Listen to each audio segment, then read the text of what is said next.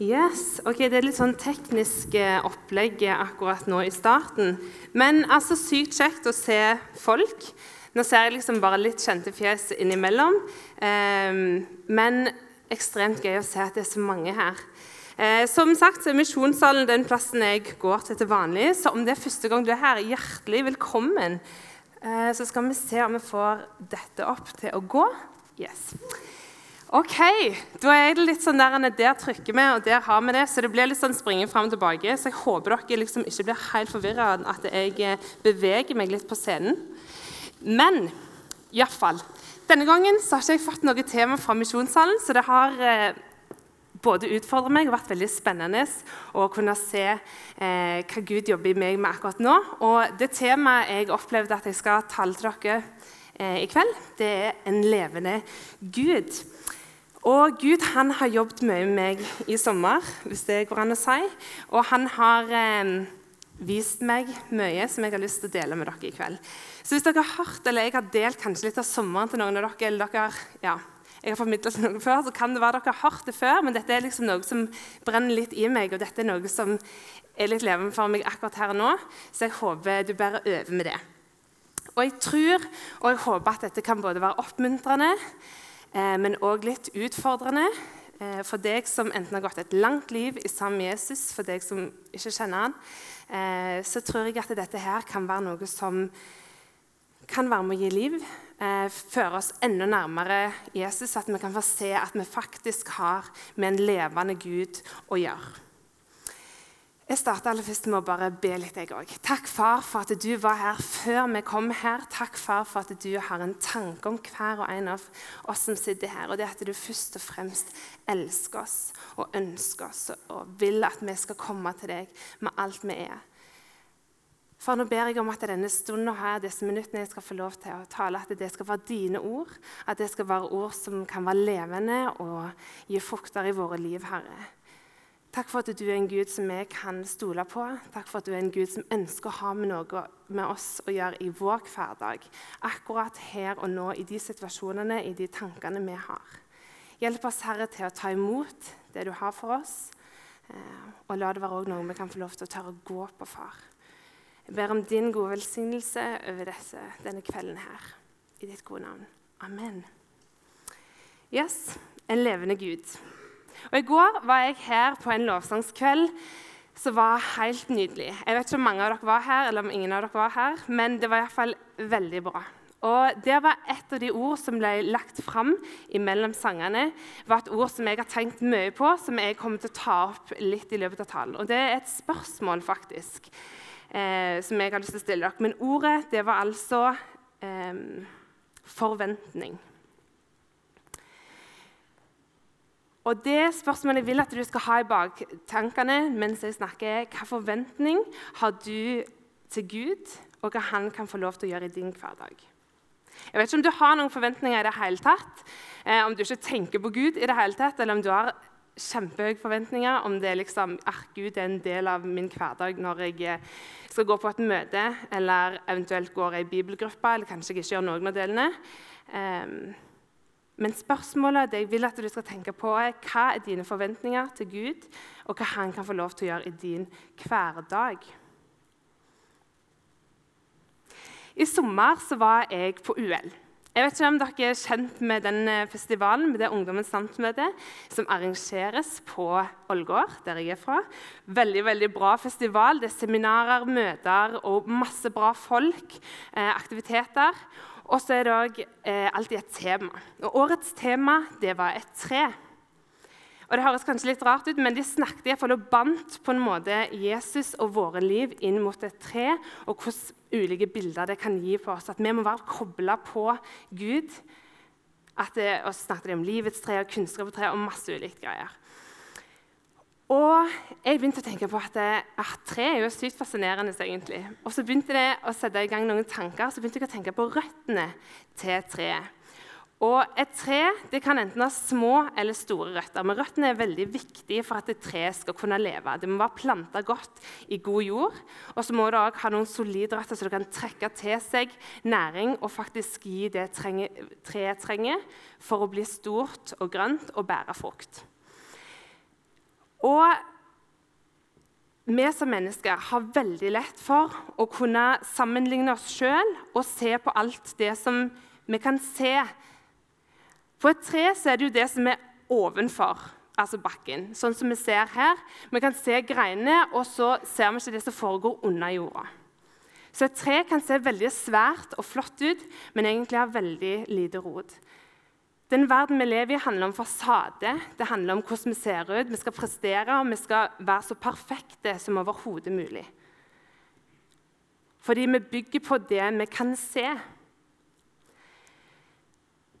Og det kan være veldig slitsomt og utfordrende. En kan også til og med begynne i kristne miljøer og sammenligne seg. men hun er jo sånn, og han er jo der, og han er jo mye med i sånne ting. og Han ser ut som bare har det kristenlivet. ikke sant? Men vet dere at Gud han ser ikke først og fremst til det ytre, men han ser til det indre. Gud tenker helt omvendt enn sånn som vi her som mennesker i verden tenker. Han ser til våre hjerter, og han ser hvor det er rotfesta, hvor det er grunnfesta hen. Og I dag har jeg så lyst at vi skal ta en kikk på hvordan kan vi få dypere røtter, som er planta i noe som holder. Og det er når stormer kommer og uvær kommer, at det er viktig å kunne ha dype røtter som holder oss, og at ikke stormen bare kan velte trevenner. Selvfølgelig kan vi ha et stort tre eh, og være aktive og ha dype røtter. Men det viktigste for oss som har lyst til å tro på Jesus, er at vi gransker Bibelen og Guds ord, men òg at vi får, kan få dypere røtter og stå fast når stormer kommer, og når ting kan være vanskelig. Og så er det sånn at Når en har dype så vil dette treet få den næring det trenger, uten at en må streve noe. Fruktene vil komme som en bivirkning av at en har solide røtter, og at en er planta godt i god jord. Og at en får sollys og alt sånt. Men eh, i dag har jeg lyst til å snakke om viktigheten av å kunne være planta. Og jeg har lyst til å lese noe som står i Efeserbrevet. Og det er Paulus som skriver til en menighet i Efesus. Og før han skriver denne bønnen her, som jeg vil at vi skal lese sammen, så sier han eh, at evangeliet det er for alle.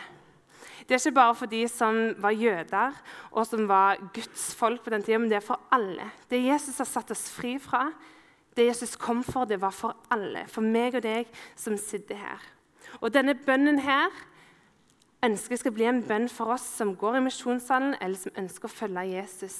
At dette skal være noe vi kan få lov til å be inn i våre liv. Derfor bøyer jeg mine knær for Far han som har gitt navn til alt som kalles far i himmel og på jord. Han som er så rik på herlighet. Gi deres indre menneske kraft og styrke ved sin ånd. Må Kristus ved troen bo i deres hjerter, og dere stå rotfestet og grunnfestet i kjærlighet. Må dere, stå, må dere sammen med alle de hellige bli i stand til å fatte bredden og lengden, høyden og dybden, ja, kjenne Kristi kjærlighet, som overgår all kunnskap. Må dere bli fulgt av hele Guds fylde. Han som virker i oss med sin kraft, og han som gjør uendelig mye mer enn det vi ber om og forstår. Ham være ære i Kirken og i Kristus Jesus gjennom alle slekter og i evigheter. Amen. Må Kristus ved troen bo i deres hjerter, så vi kan få stå rotfesta og grunnfesta i kjærlighet. Så vi kan stå rotfesta og grunnfesta i det som er sannhet, og det som vi skal få lov til å bygge livene våre på. Og Hvordan kan vi egentlig bygge disse dypere røttene? Det kan høres så fancy ut og flott ut at å, vi er tre og vi skal få dypere røtter. Men faktisk så trenger det ikke være så veldig avansert. Og jeg har lengta veldig lenge etter å se mer av Gud i mitt liv. Hva har Gud for meg, og hva har Gud for mennesker rundt meg gjennom det livet jeg lever? Og jeg har hatt en lyst og en bønn om å få en større liksom, glede over det å lese i Bibelen. Jeg synes Det å ha lest i Bibelen, ta opp den og åpne den, har vært skikkelig utfordrende. Eh, og jeg kan kjenne at det nesten har vært irriterende når andre har sagt å, det er jo bare så lett. og det er jo bare til å åpne den, så det er sånn, ah, nei, for dette syns jeg er vanskelig. Og For å være helt ærlig så har jeg ikke vært noe særlig flink til å lese i Bibelen. Det har vært en, et ønske i meg, og jeg har bedt om en sult, at Gud må gi meg en hunger etter Han, sånn at jeg kan orke å åpne Bibelen. Men jeg har syntes det har vært så vanskelig, så det har blitt veldig lite å lese i Bibelen for min del. Jeg var sulten, men jeg gadd på en måte ikke, eller tok meg ikke tid til å altså tilfredsstille den sulten jeg hadde.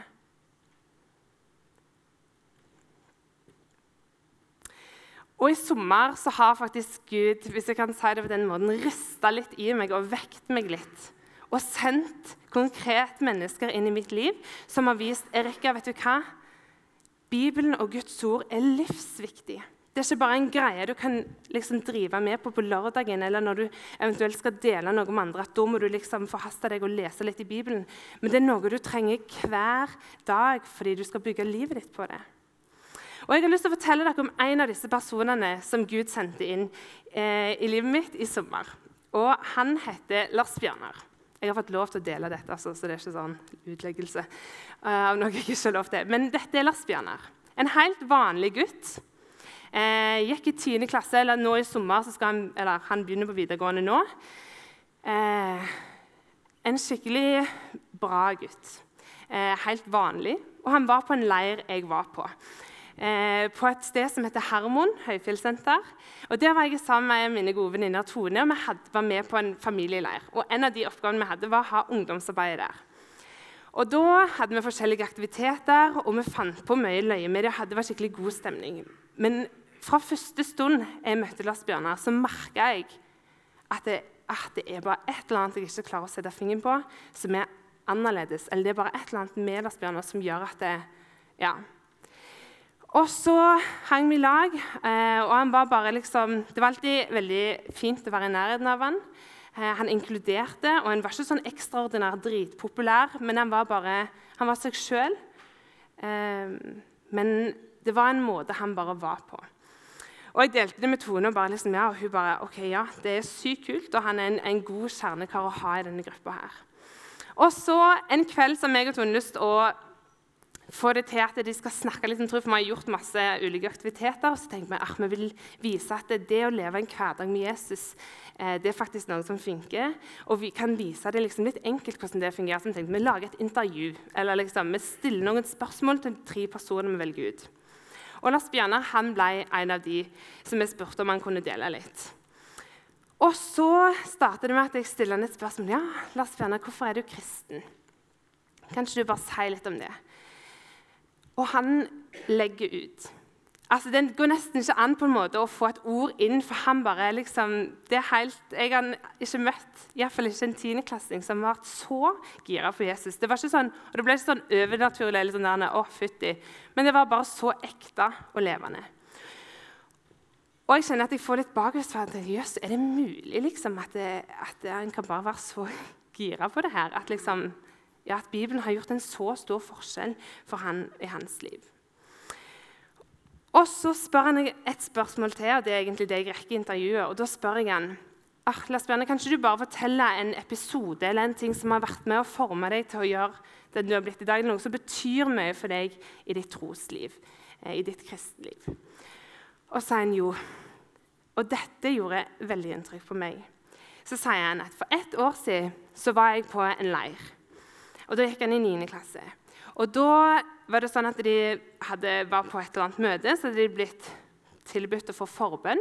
Så hadde han gått til forbønn, eh, og der var det et ønske om å se mer av Gud. Så han ble bedt for det. Eh, og så var det òg eh, han som ba, han fikk et ord til Lars Bjørnar. Og da sa han sånn at eh, Lars Bjørnar, du vil se mer av meg og hva jeg har for deg og du vil se store ting i mitt navn. Men for at du skal kunne se det, så må du søke meg mer og bruke mer tid i mitt ord, sånn at jeg kan fylle deg med det. Og jeg tenkte bare wow. Og dette sitter han og sier til ungdommer også, på helt hans alder. Og så, eh, så smiler han litt og så sier han, har dere sett War Room. Og så jeg sier liksom, ja, Der er det iallfall ei gammel dame som har et rom som hun går inn i, og så ber hun der. Hun bruker masse tid i bønn eh, og i Bibelen.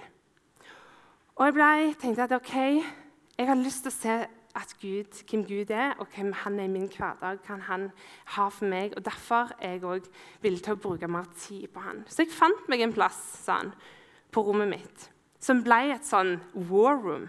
Og Der satte jeg meg ned og leste i Bibelen hver dag. Selv om jeg syntes det var vanskelig noen dager. Og så satt jeg der og leste litt i Bibelen, og så bak en venn. Denne gutten går i 10. klasse, og han har bare blitt møtt med et ord. Han kunne ha drevet i det, holdt jeg på å si, men han valgte å ta Guds ord på alvor. Og så sitter han der og bare smiler og sier at vet du hva? Det at jeg har satt meg ned og lest i Bibelen,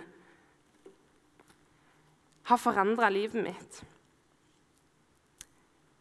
Jeg har fått sett store ting i Jesu navn pga. at jeg har brukt tid. Ikke pga. det er min kraft eller noe jeg har gjort spesielt, men jeg har stilt meg villig til å bruke tid sammen med Jesus. Folkens, Guds ord, det som står i Bibelen, det forandrer seg hvis vi tar oss tid til å bruke tid i det. Det er på en måte så enkelt, men allikevel så vanskelig. Jeg synes det er kjempeutfordrende. For det krever, og det er en kamp, å åpne Bibelen og ta til seg og la det få ringvirkninger og påvirkninger inn i livet vårt. Og I Lukas så står det, er det et vers som står himmel og jord skal få gå, men mine ord skal slett ikke få gå. Denne verden vi lever i, Kroppene våre, alt det kommer til å forgå. Det vil ikke bestå for alltid. Men Guds ord det er noe vi kan virkelig få lov til å bygge livene våre på. Det vil alltid stå, selv om alt annet kan rase og virke uforutsigbart. Så holder Gud sine løfter, som han har gitt oss i Bibelen. Og Etter jeg møtte bl.a. Lars Bjørnar, så bestemte jeg meg for at ok, jeg har lyst til å ta Guds ord på alvor. Jeg har lyst til å åpne Bibelen. Om det så blir ett vers om det blir en overskrift, om det blir et kapittel, så har jeg lyst til at Guds ord skal være en del av min rytme i min hverdag. Sånn at jeg kan få dypere røtter og få bedre grunnfeste når jeg òg skal stå i stormer. Og Selv om jeg ikke følte at det, okay, nå ga det meg kjempemasse, selv om jeg ikke opplevde at å, det her ble jo bare så tydelig inn i mitt liv, så er det likevel Guds ord som får lov til å ta bolig i meg hele tida. Så selv om jeg kunne kjenne at ja, i dag er jeg ikke sulten, så visste jeg at ja, jeg trenger mat. Sjelen min trenger noe å tygge på og noe til å vokse på. Og I Bibelen så står det noe om eh, mye forskjellig. Det var sånn der veldig overflatisk. Men i Lukas 24 så står det om to personer, blant annet. Og De ble kalt for Emmaus-vandrerne. De er to disipler eh, som går til en landsby som heter Emmaus, derav navnet Emmausvandrerne. Og de går, og dette er rett etterpå at Jesus har blitt korsfesta og gravlagt. Og de er veldig sånn, og han skal ha stått opp, men de er liksom åh, hva er det som har skjedd? Snakker om det på en måte siste nye når de går langs på denne veien. liksom, åh, Kan vi stole på dette? Hvordan var det her nå igjen? Jesus som vi bygde vår lit på, som vi har tillit på han som vi trodde var vår redningsmann, har han stått opp. Og nå er det jo noen damer som begynner å snakke om at, det, at han ikke er i graven lenger. Hva er det her, liksom? Og så kommer det en tredje person inn i dette bildet, inn langs når de går på denne veien her. Og så spør han liksom, Ei, hva er det dere snakker om. Og så bare, ah, har du kjørt det, liksom? Det er liksom dette alt som har skjedd med han der Jesus fra Nasaret. Og, og så er han liksom sånn Ja, hva fortell? Og så er det liksom, ja, vi er skikkelig usikre på den der greia der. Har Jesus stått opp? Hvor er han hen? Eh, hvem var han egentlig for oss? Så begynner denne mannen her som står og følger med dem, og sier at ja, men dere har jo fått Bibelen, eller dere har fått profetene og Mosebøkene, som sier at menneskesønnen, eller den som skal komme og redde, han måtte leve et liv, dø på korset og beseire døden for at han virkelig skal kunne sette mennesket fri. Og Han holder nesten en litt sånn bibeltime for disse her to fyrene som går, og så bare viser det at liksom, ah, men dere har fått Bibelen som sier at Guds løfter de er til å stole på. Og Så kommer de til, fram til Emmaus, og så liksom, begynner det å bli kveld. Og så sier de sånn ah, Kan ikke du bare bli med liksom, inn? Det var jo fin tur. Eh, og så setter, de, så setter de seg ned. Eh, til et måltid. Og da, når denne mannen her bryter dette brødet, så innser disse to disiplene at det var Jesus. Det er Jesus som har skått sammen med dem hele tida, og de har ikke innsett det. Det er Jesus som har talt inn til dem på deres vandring, men de så det ikke før de inviterte han med inn. Og Jeg kan kjenne meg så godt igjen i akkurat den følelsen der at jeg, oh, jeg har så lett for å si sånn Gud, hvor er du hen? Hvor blir du av henne i alt det her kaoset i min hverdag? Og så har han vært her hele tida i sitt ord. Han har tatt bolig i meg, for jeg tilhører Jesus, for jeg har sagt ja til han. Og han òg er her i samme fellesskapet. Så han har sagt jeg er her. Jeg har vandret med deg hele tida, Erika. Jeg er i din hverdag. Du må bare gi rom for meg. Og Min bønn er at det, meg og deg og oss som menighet ikke skal bli sånn at, en, at, livet vårt skal bli bare den vandringen. At vi ikke innser at Jesus er en del av livene våre, en del av vår hverdag. At det er en levende Gud som har noe for oss hver en dag. At det blir en relasjon som vi går aktivt inn i. Jeg kan ha med meg Bibelen når jeg er ute på reiser. Ha den på nattbordet mitt. Men om jeg ikke åpner den og fyller meg med det som står i den, så det, har det jo ingen hensikt.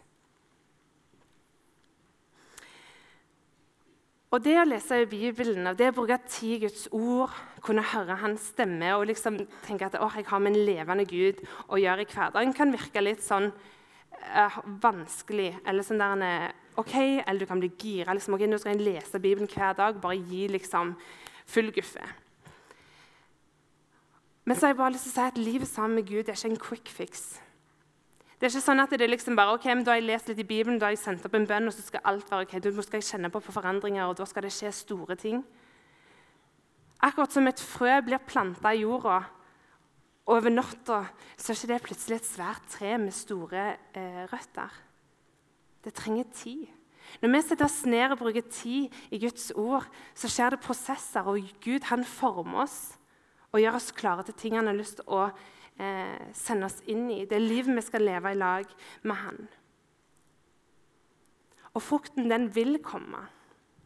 Uten at vi trenger å streve for det, men fordi at vi lever tett på Han som gir oss den næringen, på det, det som er sannhet, og det vi skal få lov til å bygge livene våre på. Så kan vi være rotfesta og grunnfesta når ting ikke er så lett i livet, og generelt når vi blir stilt for det som verden òg utfordrer oss på. Og I Jakobs brev så står det òg Hold dere nær til Gud, så skal Han holde seg nær til dere. Jeg bor i lag med to gode venninner, Birte og Lisa. Og jeg får dele rom eh, med Birte. Og jeg bruker veldig masse tid sammen med hun. Og jeg vil påstå å si at jeg kjenner rimelig godt, siden vi deler både rom, bad, kjøkken og stue. Eh, hun kan eh, dele både mine klær med seg sjøl, vi deler humor, vi deler mat, eh, vi deler tanker og vi deler tro. Jeg kan se på henne, og hun trenger ikke å si så veldig mye, og jeg kan innse at oi, nå er Birte kanskje ikke helt i humør til at vi skal sitte oss ned og snakke. Jeg kan merke når hun er kanskje irritert. Jeg merker veldig godt når hun er glad. Jeg kan merke når hun er sliten. Og jeg kjenner på en måte Birte, og jeg forstår hva hun av og til trenger uten at hun trenger å si det. Og hva hun liker, og hva hun ikke liker. Når du og jeg lærer oss å kjenne Guds ord, setter oss ned og leser det, vil vi til slutt bare vite og kjenne Guds tanker om oss. Guds tanker om de menneskene rundt oss. Guds tanker inn i situasjoner der vi er helt rådville. I relasjoner som er vonde, eller i dilemmaer som bare er vanskelige å velge i. Selv om vi ikke sitter konstant og leser i Bibelen, så har vi også fått det inn i oss, Og så kan Guds ord få lov til å virke i oss i de situasjonene vi er i hver dag. Og det er ikke sånn at jeg sier at okay, hvis du leser nok eller leser masse i Bibelen, så vil du aldri få noen problemer, aldri få noen vanskelige valg. Men jeg tror òg at det, Gud han ønsker å veilede oss, og han har så mye for oss i sitt ord. Og jeg tror det til slutt vil gjennomsyre de livene vi lever uten at vi trenger å gjøre noe spesielt for det. Og lysten til å lese i Bibelen Jeg har ikke opplevd at den har kommet av seg sjøl. Det må jeg bare ærlig si. Jeg ba masse om det. Så sendte Gud litt folk som viste meg at det er viktig å bruke tid i Guds ord. Men jeg har ikke syntes det har vært lett for det. Det er ikke sånn ok, men da må jeg bare lese. Det har vært en kamp, som jeg har sagt. Og det tror jeg er bra at vi får kjenne på denne kampen. For det er faktisk en annen som ikke ønsker at vi skal åpne, åpne Bibelen og fylle oss med det Gud har for oss hver dag. Hold dere nær til Gud, så skal Han holde seg nær til oss. Det er ikke bare hvis vi holder oss nær til Han, så kanskje vil Han være der. Men Han skal være nær. Gud er nærmere enn du tror. Og det samfunnet vi er en del av, det legger hele tida press på alt vi burde gjort, det vi skal få til, det vi skal prestere, eh, det vi skal være med på. Det elsker å fylle opp våre kalendere, våre liv, og ta de plassene som, som Gud så gjerne hadde lyst til å ha til oss. Og det er de helt nær til oss. Det er akkurat som vi blir polstra rundt med bare masse greier. Og så kan det fort hindre Gud, fordi tida vår strekker ikke til. Og Så tenker vi at jeg skal bare få tid til det, det, det, det, det. Og så kommer Gud litt sånn i siste prioritet. Og Gud han ønsker faktisk å være vår første prioritet. Og dette er kjempeutfordrende. Og det betyr ikke at selv om jeg står her og sier det, så fikser jeg det. Ingen av oss fikser kristenlivet eller fikser det å følge etter Jesus. Det er akkurat derfor vi trenger Jesus. Men når han får plass, og når vi faktisk tør å ofre noe Tør å velge vekk noe annet for å si at Gud, jeg velger deg. Jeg velger ditt ord i dag. Så tror jeg at vi vil også oppleve at det, vi vil få igjen så sykt mye mer enn det vi først og fremst ofrer. Søk først Guds rike. Søk først Han i Hans ord. Så vil Han gi oss alt det andre i tillegg. Og C.S. Lewis han sier mye klokt, eller sa mye klokt. Eh, og et sitat fra han eh, går sånn her Jeg er ikke så god på engelsk, bare bær over med meg. Eh, your real new self, which is Christ's and also yours, and yours just because it is His, will not come as long as you're looking for it. It will come when you are looking for Him. Den du er, den du er skapt til å være, dine gaver, den du er meint for å være, finner du ikke når du skal begynne å lete etter deg sjøl, men du finner det når du leter etter Jesus, og når du finner Jesus. For han har allerede funnet deg. Han har allerede satt deg fri. Og han er den som definerer deg. Og Det har han lov til å gjøre i sitt ord. Og Det er der vi kan først og fremst gå og kjenne, lære han å kjenne og se hva han har for oss. Og Jan Magnussen talte sist helg over at vi skal til å leve i fellesskap. Så dette er ikke en greie vi skal få til alene. Vi trenger oppmuntring. Og vi trenger at noen kanskje kan hjelpe oss med den bibellesningen og søke Gud. Be sammen.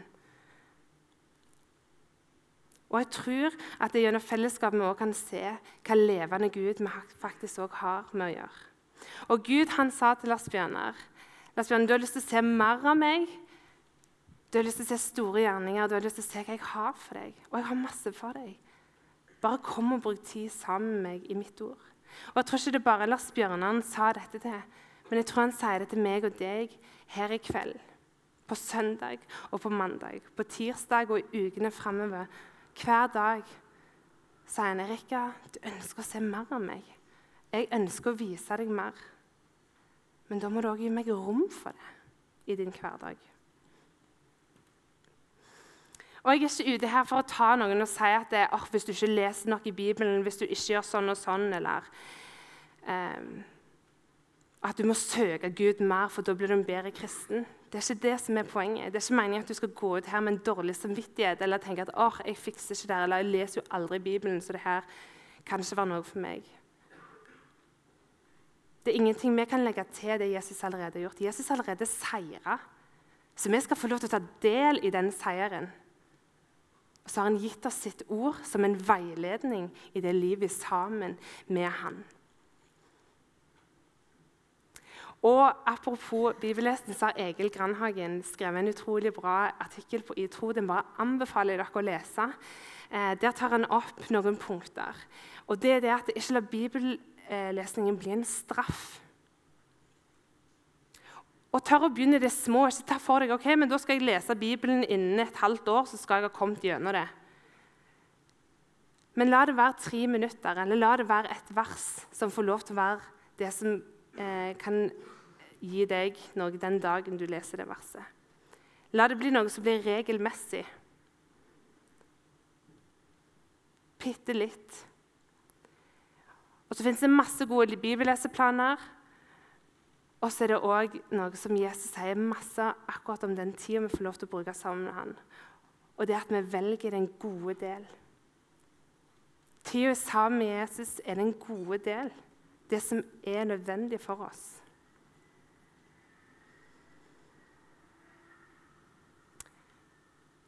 Og Det er bare så viktig for meg å poengtere at det starter og det slutter med Jesus. Og Det handler ikke om at vi ikke er frelst, men det handler om at vi skal få lov til å bli fulgt av Guds sannheter, som igjen kan få lov til å gi videre det til de menneskene som lever rundt oss i vår hverdag. For Gud han har jo noe for oss hver dag hvis vi gir han virkelig rom for det. Og Nå skal jeg gå mot en avslutning. Men jeg starta i starten av talen med å stille deg et spørsmål. Og det var Hva forventninger har du til Gud, og hva han kan få lov til å gjøre i din hverdag.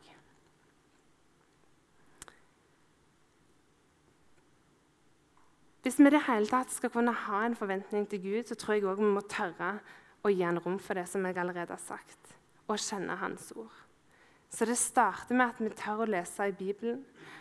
At vi orker å stå i den kampen som det kan føles som. I tilbedelse og i bønn og i fellesskap. Da åpner du opp for Gud inn i ditt liv. Og tør òg erfare at Guds løfter og det han sier i Bibelen, det holder. Tør å erfare at du har med en levende Gud å gjøre. Et levende ord som skaper noe nytt inni deg.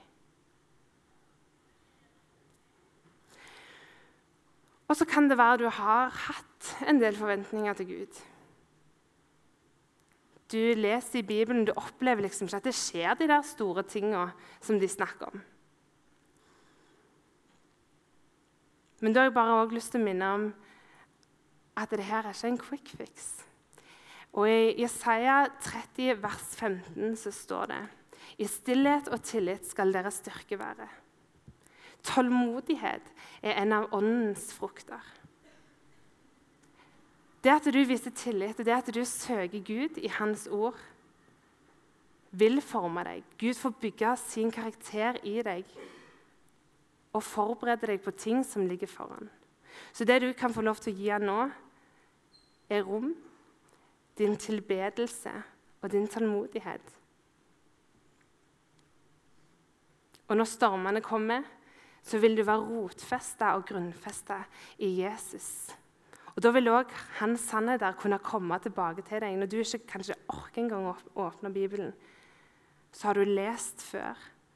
Så kan sannheter og løfter fra Gud komme til deg i perioder som vi bare virke helt håpløse. For Guds ord det gir liv, og det gir håp.